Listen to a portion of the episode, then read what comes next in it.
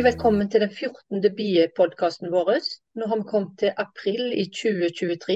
Jeg er Bente Kvilhaugsvik.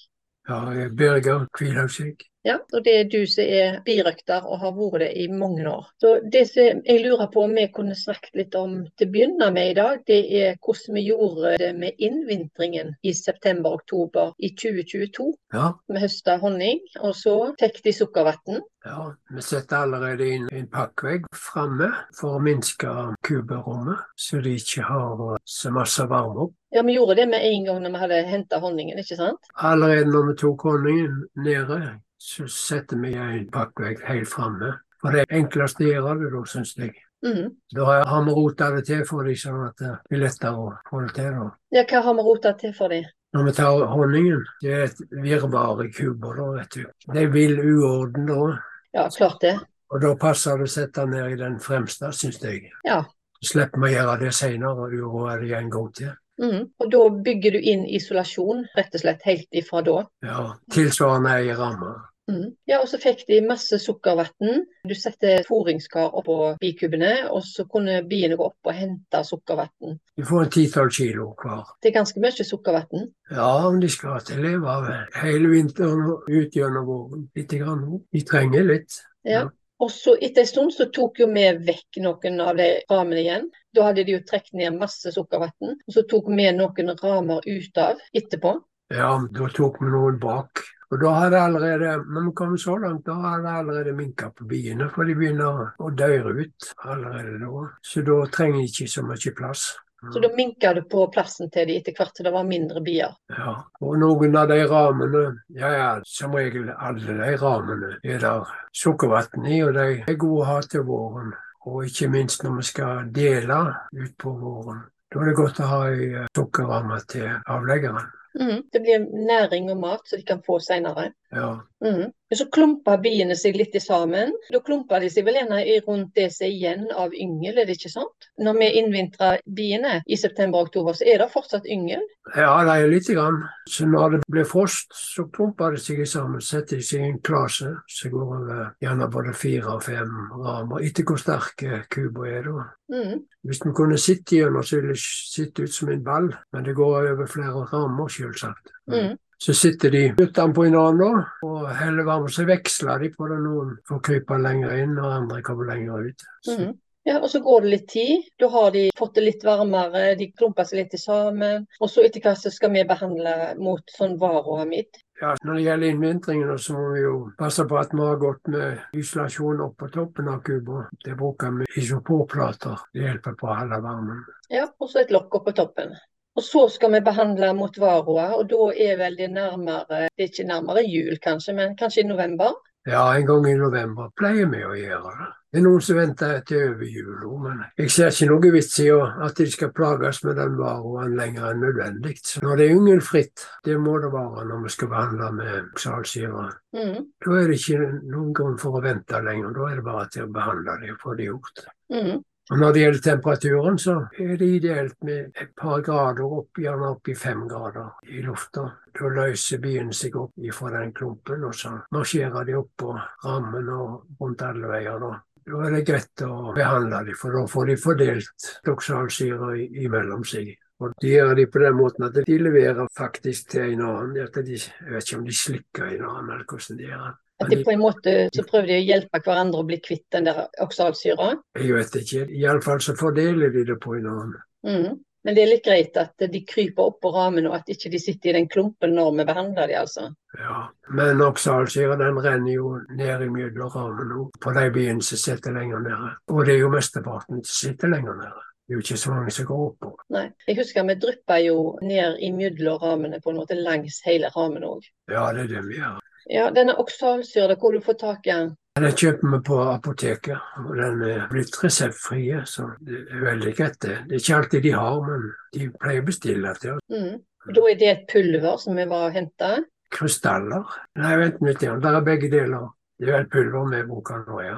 Mm. Og så skal det blandes ut. Ja, det er en sånn 3,2% oksalsyreløsning. Vi blander det på den måten at vi lager en sukkerblanding, sukkervannblanding, og så blander vi oksalsyre i den igjen, da. Mm. Etter en nøye oppskrift som står på pakken, eller vi har fra birøkterlaget. Og hvis de ikke samsvarer, så er det den som birøkterlaget anbefaler, som skal bruke, og det er en 3,2 oksalsyreløsning. Mm. Og så fikk vi tak i noen store sprøyter. Ja, når du sier store sprøyter, da Det sibirøkterne kaller for store sprøyter, da det er det nærmest ryggsprøyter for det. Dette hvor mye kuber en har. Men vi bruker jo ei som jeg vil si ei litersprøyte, men hun okay. Ok. hun er stor i forhold til det som sykepleierne bruker, altså. Ja, ja. Du må Ja. vite hva du sammenligner med. Ja, den får vi kjøpt på apoteket. Ja. Jeg mener det var ei 50 ml sprøyte som jeg fikk tak i der. Ja, det kan hende det. Det er voldsomt greit med deg. Ja. Men les bruksanvisningen eller hør på Norges birøkterlag, det er det du sier. Ja, og så skal de ha en viss mengde da, på hver ramme. 3,5 milliliter av løsningen til hver ramme. Men det som vi gjør da, vi ser ikke på hver enkelt ramme for seg. Vi teller hvor mange rammer det er bier på, og så ganger vi opp antall rammer med 3,5. Så trekker vi opp til i sprøyter, og så fordeler vi det på biene da. Mm. Og så Nå er det altså april, som vi sa, men sånn som i vinter nå, hva arbeid er det vi har gjort i vinter? Det er jo du som har gjort mesteparten. Det første vi gjør, da, det er å ta ut de rammene som er gammel, stygge voks i, svarte voks i. Så smelter vi den til blokkvoks. Vi har rammen oppi en kasse, og så i korthet så kan vi si at det går ut på at vi setter det opp i kassen, ja. Og så under kassen har vi et kar som skal samle opp den flytende voksen som kommer. Mm. Og så har vi en anordning som lager stim, og så slange fra den, og så inn under rammene. Og så varmer stimen opp rammen og voksen, sånn at den smelter. Mm. Og så renner den ned i et kar, da. Jeg, jeg bruker ei bytte, jeg. Renner ned i den, og så blir den støypt i den bytta, da. Når den blir kald, kan vi ta ut, renske den, og så kan vi sende den inn til håndsentralen. Så smelter det den om igjen, og så får vi kjøpt den tilbake igjen. Mm. Som sånne vokstavler, ikke sant? Ja. Og det er litt om å gjøre det der med å samle sammen voksen, har jeg forstått. For det kan være sykdommer i voks. Sånn at når vi har rene voks her, så er de litt ivrige til å få tak i den. Ja, det er viktig å ta vare på voksen. For at eh, hvis det er for lite voks, så må de importere fra andre land. Det er en hel jobb å finne fram til voks som er ren og fri for sykdommer. Mm. Ellers kan en importere sykdommer til birakten vår. Mm. Det kan hende en har gjort det, tror du det? Kan alle vite, men de er veldig nøye på hvor de kjøper voks, altså. De undersøker den grundig før de godtar den. Mm. Vinterarbeidet, det å gå gjennom utstyret, gjøre det rent og passe på at en har nok av alt, det er vel en del av det som en må gjøre? Det er for seint når du skal ha det, vet du. Om våren og sommeren. Det må være klargjort. Og da er det greit å nytte tida om vinteren. Ja, og så er det vel sånn at det går jo an å kjøpe mesteparten av utstyret hvis en vil. Så kan en vel egentlig kjøpe det fra birøkterlaget. Kjøpe fra handelssentralen. Ja. Det er andre også som selger utstyr, men Ja. jeg har kjøpt de fra handelssentralen. da. Ja, du kjøper en del, og så lager du en del. Ja, kassene det er sånn isoporkasser, de kjøper jeg. Mm. Rammene de har vi lagd. Voksen smelter vi ned i sjøl. Håndbrett har jeg lagd. og Ja, du har vært svær med det der å lage utstyr. Lokka lager du sjøl. ja, ja. Vi ser det er ulike typer. Noen har bare sånn plastikklokk, så de må ha masse stein og sånt oppå. Men du lager noen tunge lokk. De fyker ikke av det. Det er en ting som vi kan nevne når det gjelder høstarbeid. og det er rammene. Når vi har gått gjennom rammene og gjort de rene, de som ikke skal smeltes om, altså. Mm. Så er det viktig hvordan vi gjør det når vi lagrer rammen gjennom året. Og der kan det komme f.eks. den der eh, voksmøllen. Og det er noe styggerskap, for den kan ødelegge masse. Det som gjør for at den ikke kan komme fra en kasse til en annen kasse, Mm. at jeg legger avispapir imellom hvert lag med kasser. Mm. Ja, for du lagrer rammene oppi kassene, du. Og så har du det inni et sånt spesielt rom som du bruker til å oppbevare bieutstyr. Ja, og det gjør jeg nøye rent før jeg setter inn på høsten. Mm. tar ut alt. Og de rammene som ikke blir brukte i løpet av sommeren, de er veldig utsatte for voksmøllelse. De tar jeg og så fryser i fryseboksen, og to-tre år. Mm. Men det har hjulpet sånn at jeg, jeg har ikke hatt voksmøll på mange år nå. Men du har hatt det før. Ja, Jeg har hatt det før, Ja, så Det var en viktig ting å si. ja. Det er mye utstyr, så en må ha plass til det. Og en må ha plass der det er rent og fint, og det er lett å holde rent. Og, ja. Vi har begynt på vårarbeidet i 2023, og hva var det vi begynte med her? Det første vi gjør, er at det går ut i februar og lufter litt på bikubene. Om det er noen som er lette, Mm. Hvis de er lette, da kan det hende de mangler mat. Da må vi nødfôre de Hva vil du nødfôre dem med da? Ja, med sukkervann. Det går an med sukker òg, altså. Strøsukker. Men Mm. Men du gir dem ikke ramer med sukkervann da? jo, det går an. Selvsagt. Det går godt an. Ja. Eller du lager sukkervannblanding og setter oppi en sånn en kassett. Ja. Men det har egentlig aldri vært aktuelt i Kjås, for de har hatt plenty mat. Mm. Så det neste da, det er til å kikke oppi om alle har overlevd. Hvordan ser du det da? Nei, da må vi ta av lokket og se. Så ser vi det med en gang om de har overlevd. Ja. Og så litt seinere, da, så må vi se om det er yngel. Ja. Og hvis det er noen som ikke har yngel, da må vi jo holde et øye med den om neste år vi går, og se om det kommer yngel da.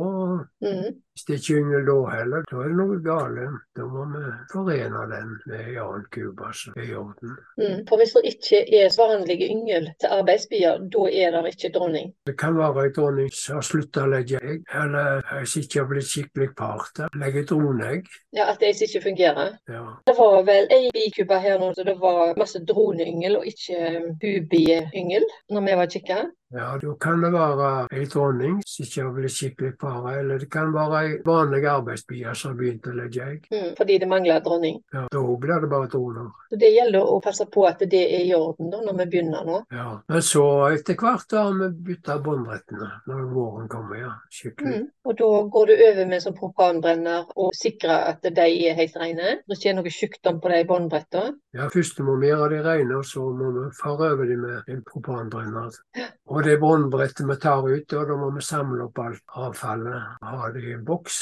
For vi skal undersøke hvor mye varroamidler er i det. Mhm. Skal vi si litt om biesykdommer? Hvilke sykdommer er det som går på bier, og som vi må være litt obs på? Det Ja, det er forskjellige sykdommer, men vi har heldigvis ikke hatt annet enn varroaen foreløpig. Så har det hendt vi har kalkyngel, men det er ikke noe sånn alvorlig sykdom, men vi må jo få det vekk. Mhm. Hva er det som gjør det, da, at det blir kalkyngel? Det er for kaldt i kuba. Det er en ting de har for god plass. Klarer ikke å holde varmen, kan du si. Mhm. Jeg tror det var derfor jeg fikk kalkyngel, iallfall. Så det var da du lærte å innskrenke plassen til dem? Ja da. Og så er det noe som heter trakemid, og så er det noe som heter åpen yngelråte og lukka yngelråte. Mhm. Den er farlig her. får den, da er det full stopp. Nå må byene saneres. Da får ikke lov å starte opp igjen på åravis. Ja, det er strenge regler rundt det. Ja, det har det vært i landet de siste åra. Så det er noe som heter steinyngel, så er det noe som heter kubebille, og flere sykdommer er det òg. Men som sagt, vi har ikke hatt annet enn den varroamidden. Mm. Men den jobber vi med hele året. Ja da, den passer vi på. Men vi har holdt den i sjakk. Ja, Men du er jo veldig bevisst på varroaen, og du holder jo på å behandle og ta forholdsregler hele tida når det gjelder den. da. Mhm, Men hvordan er det du ser at det er varroamid, eller har vært varroamid i Cuba? De får sånn deformerte venger, det er nå én ting. Men, men hvis de er skikkelig angrepne av varroa, da blir de puslete og lett mottakelige for andre sykdommer. De har lett for å dø ut, rett og slett. Ja, de dør ut. Hvis de ikke blir behandlet, så dør de ut. I løpet av to-tre år, fire år kanskje. Mm. Jeg hører der er folk som snakker om at de har hatt bier med forkrøpla vinger, altså. Så det at vi ikke har sett det i de kubene her, det er jo kanskje litt flaks. Og at det ikke er bier i nærheten som har så mye varer heller. Sant? Men det er jo òg at du har vært flink og passet på det. Høsten og våren og hele veien. Vi er heldige sånn at det er ikke så mange i nærheten her. Vi har kontroll, kan du si, på de birøkterne vi ser her.